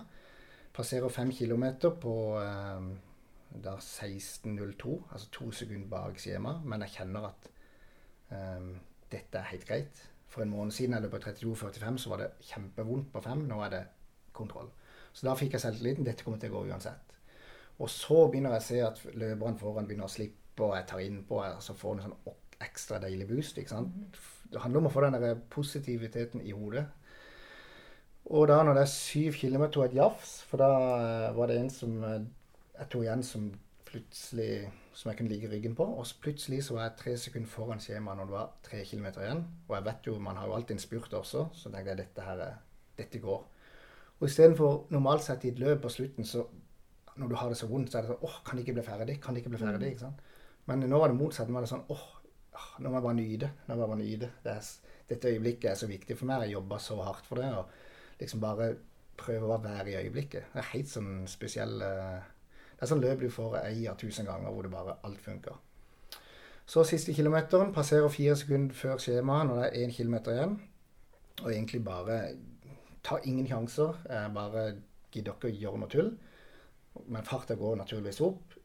Og så når jeg kommer på oppløpet, så ser jeg det står 31,20 og noe på klokka. Og jeg vet jo at altså 100 meter går jo på eh, typisk 17-18 sekunder. Så jeg ser jo at dette blir kjempebra. Så da benytta jeg anledninga istedenfor å løpe i mål og spurte, så tok jeg ut armene, som jeg gjør sedvanligvis, og så fløy jeg ned oppløpet med armene til side. Så da jeg kom i mål, så bare brølte jeg som primalskrik og la meg ned. Eh, og jeg bare nøyd øyeblikket. Jeg fikk jo en melding her fra Christian Ulriksen som møtte deg. Ja. Det Det var hilsen til deg. Kolstad, se her! En gammel kriger. din gamle, bitre faen! Ser du her, Kolstad? Ungdommen! Jeg sier han frekker ræv. Han Christian Ulriksen fra en legendarisk fyr fra Idelagen løp som kommer hen og filmer, han hadde fått med seg at ikke Finn trodde jeg kom til å klare det. Så med en gang jeg kommer i mål, så går jo Christian bort og filmer meg, og da ligger jeg der og finner meg tuller litt om at hvis ikke vi har troa på at folk klarer det, så er du en gammel, bitter mann, da. Ja, ja. Så jeg skreik dette han, og så klar en eller annen grunn så bare dro jeg ned buksa og vis, viste brunøyet rett der. der bare for. Men det er det som er ekte. Det, Det var ekte glede. Det, der tenker, det er det man trener for. I, altså To ganger over fjorden hver dag. Det, det er de øyeblikkene der. Det lille øyeblikket hvor du er i eufori. Du er bare stolt. Du er liksom utrolig sånn eh, tilfreds og eh, fornøyd. Så det var egentlig Og da ehm, Da var det gjort. De tre tingene som egentlig jeg skulle klare, som er uttalt Det er jo sånn et mål for min del. Jeg blir ikke motivert av at folk pålegger meg et mål. F.eks. du burde jo løpt det og det og det, eller så og så fort. Men det jeg har sagt sjøl, det er jo sånn ekstremt viktig. Da er jeg villig til å gå sykt langt for å klare. Um, men når det var ferdig, så var jeg litt redd for skitt nå. uh, nå skjer det igjen. At jeg bare Ja, kan jeg begynne med bowling eller et eller annet annet gøy? Men så irriterte meg litt over den der eh, halvmaratonen. Finn hadde jo eh, Finn eh, hadde jo sant, fire sekunder til persen din. Uh, og så skulle jeg inn til Drammen uh, og hente noe uh, hos svigermor. Og så fant jeg ut at perseløpet går jo da. dagen etterpå. Så benytta jeg muligheten, så jeg stilte opp. Litt sånn som samme som sist. Ingen visste noen ting. Og så løp jeg halvmaraton på 1.10,30. Så da forbedrer jeg meg to, to minutter da på en måned på Snakka noe om et eller annet, kanskje en fem kilometer. Et eller Ja. annet sånt. Jeg var inne og så på streamen der, og jeg klarte ikke å koble helt uh, hva de sprang. Mm. Og så plutselig ringte han. Eller sendte snap igjen. Ja, så det var litt gøy. Så historie, historie Ja, ja, gjentok seg. Ja, ja. Men det er jo bare gøy. Det er jo ikke sånn at jeg står som en bitter gammel mann og, nei, nei. og Jeg tror hvis det er noen som gleder seg litt eh, mindre enn deg, men nesten like mye, så er det jo Finn over Ja, ja, det, at du har blitt så god til å løpe. Jeg husker jo da vi begynte podkasten, så var jo Finn sin greie at du var litt vanskelig å få ut om morgenen. ja, men det stemmer. At du var litt for glad i å sove på morgenen, og litt for glad i å ikke legge deg på kvelden. Ja. Og nå er det jo helt vanvittig Mm. hvor eh, Hvilken disiplin du har da til å komme deg ut. Ja, den der eh, brennende, brennende lyset inni hvis man, eh, det er noen har lyst til. Men eh, det var Finn som egentlig var hele grunnen til at vi ble kjent, var jo det at når han starta løpeklubben, så henvendte jeg meg, for jeg syntes endelig var det noe for meg. Mm. og da sa jeg til Finn at jeg kan hjelpe å skaffe sponsorer hvis du hjelper meg å vinne terrengkarusellen. Og da sa Finn det skal jeg gjøre, men du, treninga må du gjøre sjøl. Ja. Og da gikk det bare et halvt år før jeg vant, så sånn sett så har jo du vært eh, sånn trener og mentor fra, fra da. Nei, det, det Så- er gøy. Nå er det jo litt sånn vanskelig, for det at vi er jo en duell sjøl. Ja. Eh, vi- det var jo egentlig Oslo Maraton, halvmaraton. Mm. Så jeg håper jo egentlig at han skal synke dramatisk i form. Samtidig som jeg ikke har lyst til å miste han som løpekompis. Det er dilemma. Det er det. Så jeg prøver egentlig på et vis å holde han nede, men å dra han opp. Mm. Men sånn, det er vel ca. ti år mellom dere i alder. Det er akkurat tida, Ja. faktisk. Ja. Er det ikke Er det ett sted, er det en aldersgruppe hvor det på en måte Du har mye mer igjen for å være yngre enn den andre, eller er, går det jevnt ut ifra Nei, det, jeg vet ikke. Når folk begynner å krysse 50, da begynner nok ting å gå dårligere. Mm, Da må du skynde deg. Det må jeg skynde meg. Ja, altså, men fra, jeg mener egentlig fram til du er 50, så kan du ikke begynne å skylde på alderen. Nei. Da, er det bare, da må du skylde på at ikke du orker eller gidder å trene. Mm. Og det kan Tor Aanensen her fra Kristiansand som pers begynte å løpe i voksen alder og løp på 2,27 når han var 47? er Jo da. det? Jeg er med det fort på 2,27-tallet i, i ca. samme alder, så det, er, det er fullt mulig. Men du må jo være villig til å gjøre den samme jobben. Ja, ja. Så det er det som begrenser folk. Vi har jo 60-åringer som springer på under 45 på mila, så Ja, her i byen. Ja, ja. så Så det Nei, det, men Joakim er jo veteranløper sjøl, så Ja, ja. Jeg, jeg er jo gammel mann sjøl nå. Mm. Så det er Men jeg innser sjøl jeg har jo en vanvittig jobb å gjøre hvis jeg skal slå an om halvannen-to måneder. Så det, jeg er litt Kanskje fornøyd. vi skulle tatt det live, da, på i opptak? Ja, det, det, skal vi har jo en sånn jeg sier at eh, den der haren og skilpadda At han definitivt er han haren og han har gått knallhardt ut. Og så Han har tillatt seg nå å slippe seg litt ned eh, og smile fint og tenker dette er ingen problem. Og så gjør jeg en sånn møysommelig jobb i bakgrunnen her og prøver å jobbe meg opp. Ja, vi snakker om ja. Eh, Jeg var veldig fornøyd når han brøyd løpet på lørdag. Jeg ser det er liksom den taberhjernen begynner å dukke opp. Og så snakka med han i går kveld. Han sitter hjemme, koser seg på kvelden. Han er ikke trent, han er tenkt å skal ut og trene. Jeg, jeg nører litt, det er helt greit. Og Mm. det blir ikke noe trening. Og så skulle vi opp i dag, vi skulle møtes kvart over seks. Og så fikk jeg melding 05.22 at uh, han måtte trekke seg fra den. Han hadde fått sove for lite i natt. Så jeg bare humra litt i senga, og så eh, Tok du løpeturen? Så tok jeg løpeturen. Og så sendte jeg snap på statistikken hans på Strava. For jeg vil jo at han skal motiveres litt av det. Så sender du sånne vinpakker og sånn på døra hans? Han kan få så mye godteri han vil. Det kan han. Jeg tror Finn egentlig gledes mest Det gøyeste for Finn er jo hvis han slår meg og ikke bare slutta å løpe. Vi må jo Så jeg tror Finn eh, Men Finn er i en god periode hos Steam nå, så det gøyeste hadde vært hvis begge hadde ja, eh, gjort et bra løp og, og en jevn duell. Men vi får se. Vi får se hva det blir. Det kan jo bli Svalandsgubben òg, eventuelt. Ja, det kan For den nå er de bekrefta at den blir. Og Det er siste helga i oktober. Ja, det Kanskje vi skal gå for den. Skal vi Det- gjøre det? Jeg syns jo dere også skal gå for Svalandsgubben, for da blir det jo som en eh, stor familie der oppe. Ja, det er jo høstens høydepunkt, det. Så jeg kommer kanskje litt etter i mål. Jeg skal stå og vente på deg i målet. Det er jo disse som skal springe flere runder, da, så du kan jo starte med de. Ja, Ja, sånn at kan man eh, kan begynne før. Nei, for Jeg har en sånn der eh, skrekkopplevelse den gangen jeg løp i Lillesand, hvor de hadde begynt å ta vekk de der båndene før jeg var i mål. Oh, det er dårlig gjort. Det er dårlig gjort. Og Det da var jeg litt redd for å ikke finne fram, rett og slett. For det var i skogen. Og så så jeg at det var noen foran meg som drev og reiv av de der sløyfene. Ja. Det er skummelt, det. Det er skummelt. Men bare sånn avslutningsvis, Finn, i forhold til Det som er liksom dilemma for min del, er ikke sant? litt den der, det bare Ilden inni meg har slukna litt, fordi at man Ja, det er jo sånn det er. Man Mm. setter seg noen mål, og så, så handler det om å finne noen nye mål, ikke sant. Og det er jo sånn eh, Det ene er jo ja, du har klart det, så nå kan jeg bare gjøre noe annet. Ellers er det jo, men nå som jeg først er blitt så god, Mm. hva om jeg nå f.eks. prøver å gjøre det bra i NM, som jeg har kvalifisert meg til, eller sier eh, jeg skal løpe finne en annen distanse, la oss si 5000 meter under 15 er jo sånn eh, magisk grense, 1500 meter under 4 minutter, halv mar nei, maraton under 2,30 f.eks. Men jeg, jeg føler nå er det en fase hvor jeg prøver å sette Ja, det er naturlig å bli motivert, men eh, er det ikke. Nei. Så jeg må liksom Kanskje jeg, Det blir litt vakuum etter du har nådd målet, da. Kanskje jeg må finne et, et veddemål. Jeg blir motivert til at folk sier 'du klarer det ikke'. Mm. Så sånn sett, det dummeste noen kan si til meg, det er å si eh, ja, men det kommer du ikke til å klare. For da det blir liksom i huet mitt på Bislett, det, så er det Når jeg innser at det går, så, så handler alt om at Jeg gleder meg til å se reaksjonen til Finn når han Men, men du hører nå at uh, haren han tror ikke på at den skilpadda kommer til å ta den igjen. Så han anser det ikke jeg som et veddemål at, at jeg kommer bakfra deg. Men han kommer. Og det, ingenting hadde vært mer gøy om det hadde vært ordentlig fight så lenge jeg vinner. da. Mm. Men det jeg har vedda på Mm. sjøl, det er jo at eh, 1. august da begynte han å jobbe. Han fikk jo baby i eh, tidlig februar. Ja. Eh, Har bare fri og sust et liv som eh, fri og frank. Nei, det er, tøft å få bar, bar, barn. Jeg hadde ikke trodd han skulle klare det han gjorde nå. Men fra han begynner å jobbe, Mm. så vet jeg at det er tøft. Mm. For det at da er det liksom, blir litt den der vågengreia. Det er fryktelig tøft å komme seg opp om morgenen. Og så er det ikke så lett når du kommer hjem fra jobb og bare prioritere seg sjøl. Nei. Ja, det får jeg ikke lov til. Nei, men merker du ikke det at når du kommer hjem fra jobb, så er det nesten umulig å komme fra? Ja, og det er vi, det, vi har blitt enige. Det som skjer nå, er at um, eller, jeg har liksom løpetid på morgenen, og når de har lagt seg. Ja. Så siste ukene har jeg vært ute. Jeg løper en mil på 33,40 klokka 11 på kvelden, f.eks.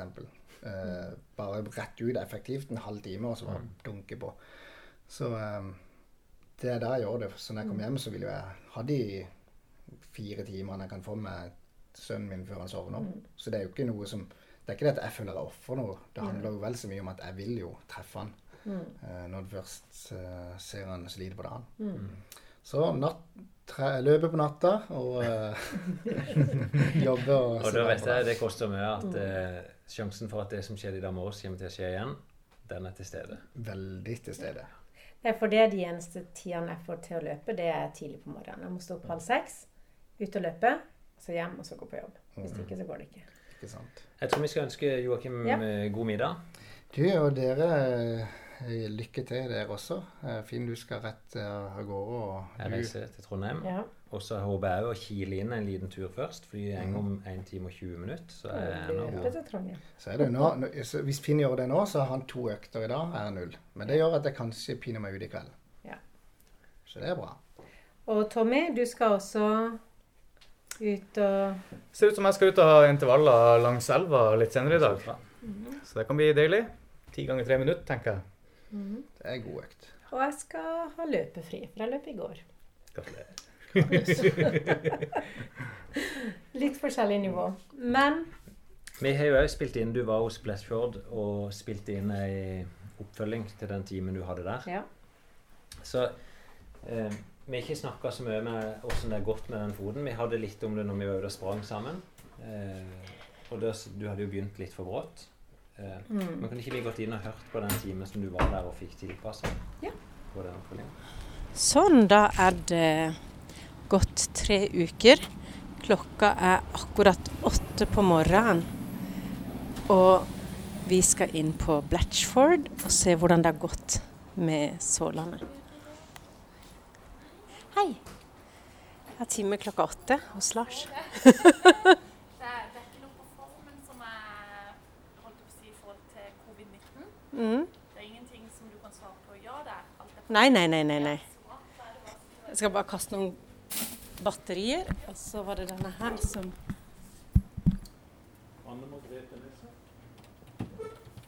Oi, nå har du fått ny. Ja, vi har det! Så det var på tide etter alle hadde klagd så lenge. Holdt ikke på ansatte òg, altså. Så da, da måtte de ta tak i det. Sånn. Da skal vi vente og se. Da har jeg med meg eh, en eh, bag med begge løpsskoene. Og i det ene par så er det da de sålene som jeg fikk sist gang jeg var her. Men så var det Nå, Der ser jeg Lars. Hallo! Så da er jeg med med bagen med skoene. Du har ikke løpesko når du får den nå? Nei, men jeg burde kanskje løpe med det, for det, det skjedde noe i går da jeg løp. Skjønner du? Ja. Sånn, her ser du. Sett deg ned. Så det her er jo på opptakene, da. Ja, at vi er i gang. Ja. Nei, for i går så tok jeg de hvite, de asfaltskoene, for da skulle jeg løpe på asfalt. Så tok jeg såli. Ja. Og så fikk jeg noen skikkelig gnagsår okay, ja. på begge sider. Se der, ja. Det er riktig. Bak på hælen der, ja. ja. Ja, Det var jo eh, ja, noen solide blemmer. Og så hadde jeg til og med på meg sånne sokker som du ikke skal få blemme, da. Sånn som det er liksom to. Ja. Så lurte jeg på, kan det være at det er fordi skoene har blitt litt høyere, eller? Det kan være det at eh, når du får på deg sådanne, så ligger du litt grann høyere i hælen med det, som gjør at en hælkappe vil trykke på et litt annet sted enn hva du er vant til. Og eh, det skal jo selvfølgelig Vi håper jo at ikke du skal få den typen gnagsår, men vi vet at det kan være en utfordring, for det flytter trykket litt grann i foten der også. Så det er jo noe, også noe av grunnen til at en skal begynne litt forsiktig med det når du har det. i Ja, Ja. for det har jo hatt litt sånn forskjell. eh, du sa jo til meg at jeg skulle begynne forsiktig, Hæ? Og det gikk jo ikke. Nei. For det, jeg skulle jo bare prøve absolutt alt mulig på Og en de gang. skulle bare virke. Ja. Ja. Okay, ja. Eller jeg tenkte liksom at det føltes så greit. Ja. Så jeg tenkte litt vondt, det kan jeg tåle og sånn. Også, men jeg fikk så sinnssykt vondt i akillesen. Ja. Det var der det liksom smalt med såle. Riktig.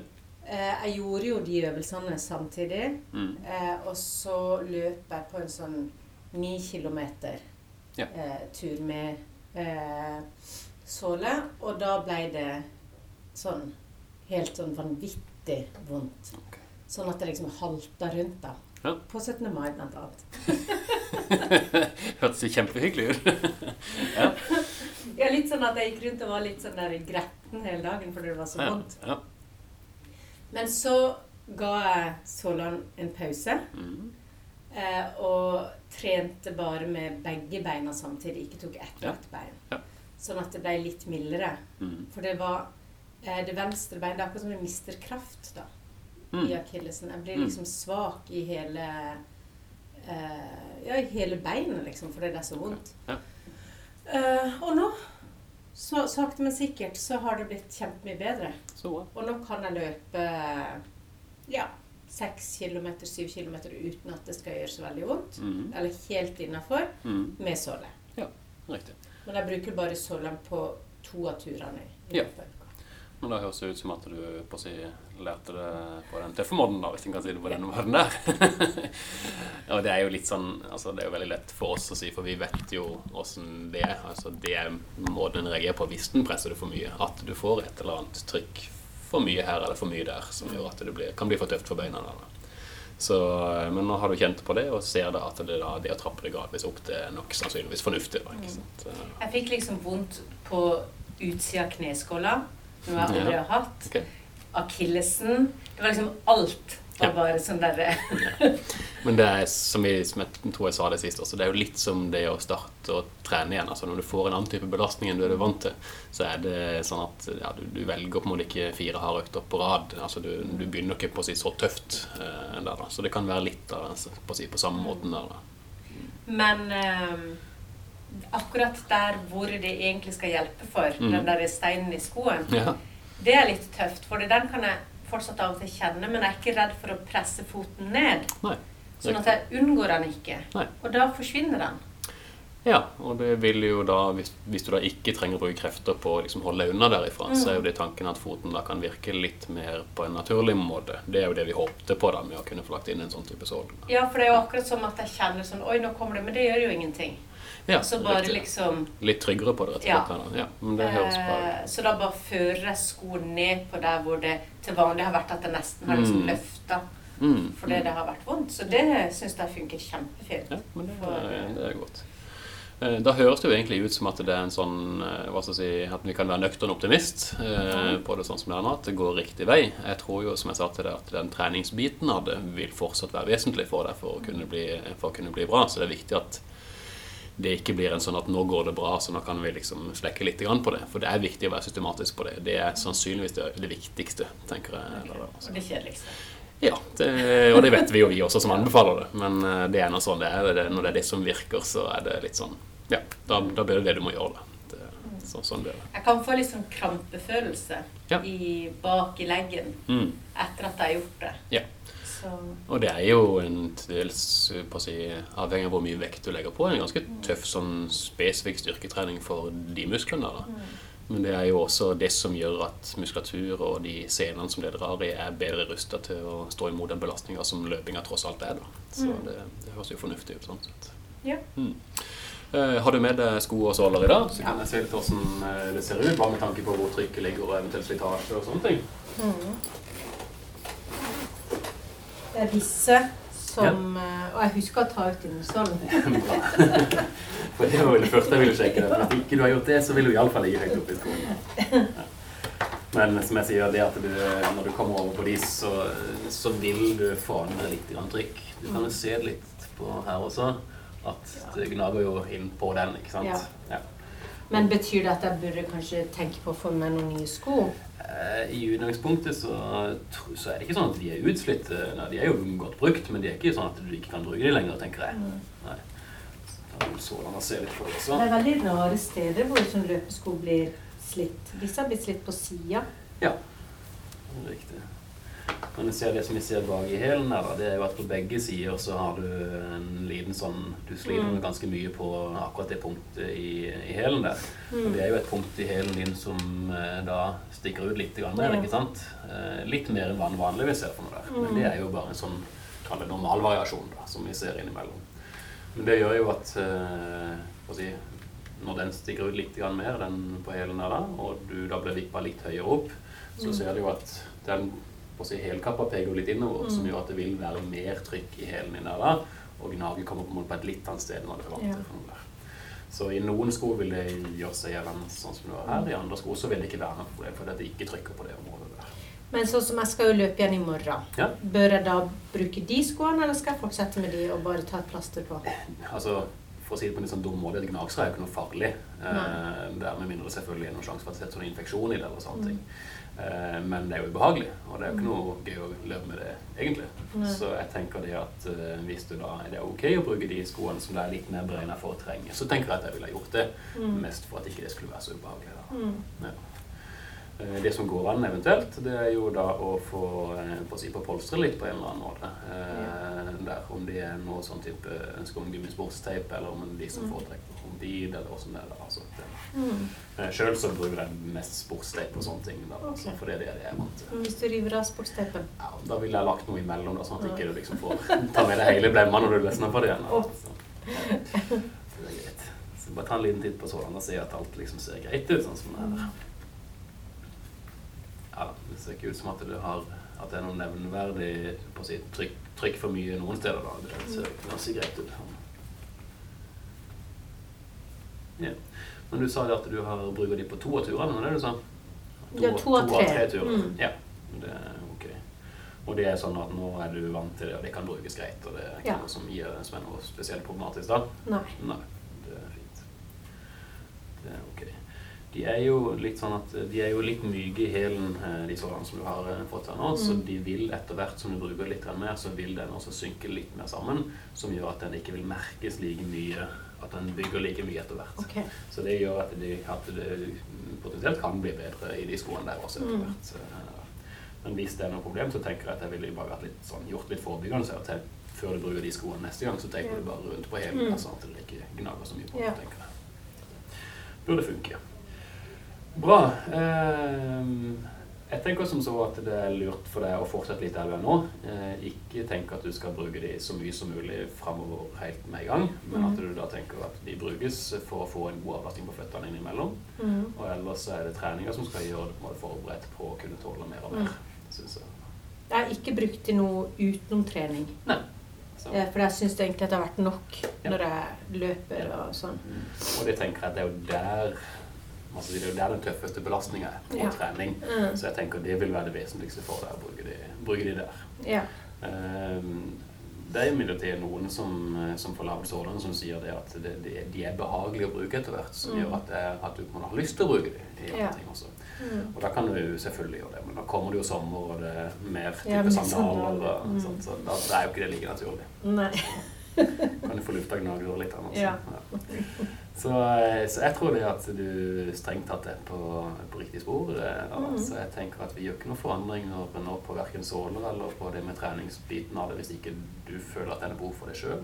Nei, jeg syns jeg er veldig fornøyd. Ja. Og eh, så kan jeg jo heller kontakte hvis det er et eller annet som skjer. Det er For det er jo akillesen som er mitt største problem, men jeg føler at det har aldri vært så Fra det ble dårlig, da, så har det aldri Mm. vært så bra som det er nå. Nei. Og det tror jeg er primært hvis du klarer å være systematisk med treninga. Mm. Og så kan sålandet bidra med sitt også. Ja. eh, der. Men jeg tror at treninga er den viktigste biten av det der. Mm. Så bare vær litt tøff med deg sjøl og, og hold litt kontroll på det, for det gjør at du får, en, du får mye igjen for det sånn løpsmessig. Ja. er forberedt på at du kan løpe mer. Da. Mm. Så slipper du å halte deg rundt. eh, Ja. Ja, det Så, og så løper jeg sammen med ei som heter Julia, som er liksom min eh, løpevenn. da. Mm. Eh, Og hun er også sånn tverrplattfot. Ja.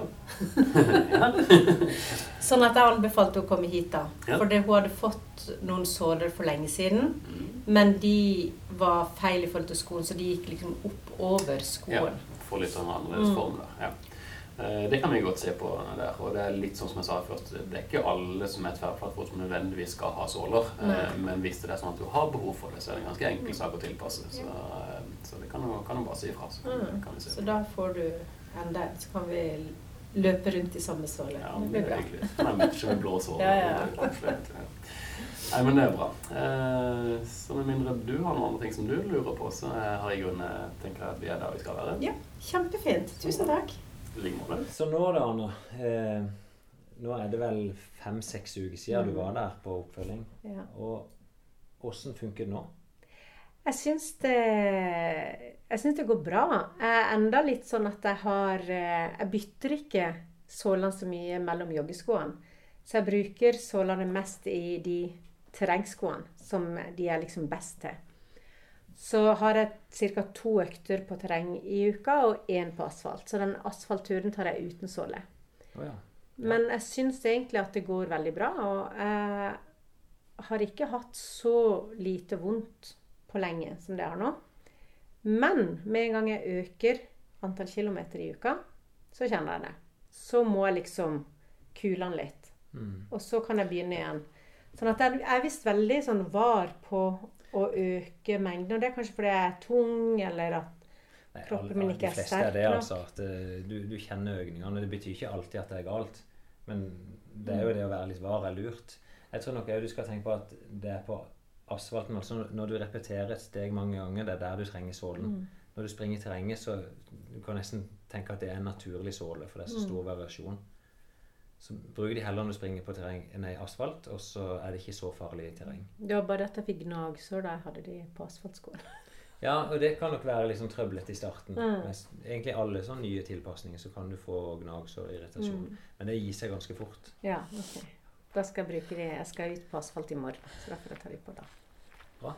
Mm. Du, ha en fin kveld. Og Ja, så du også. lyttere, ja, så håper jeg det er en liten tur. Ja.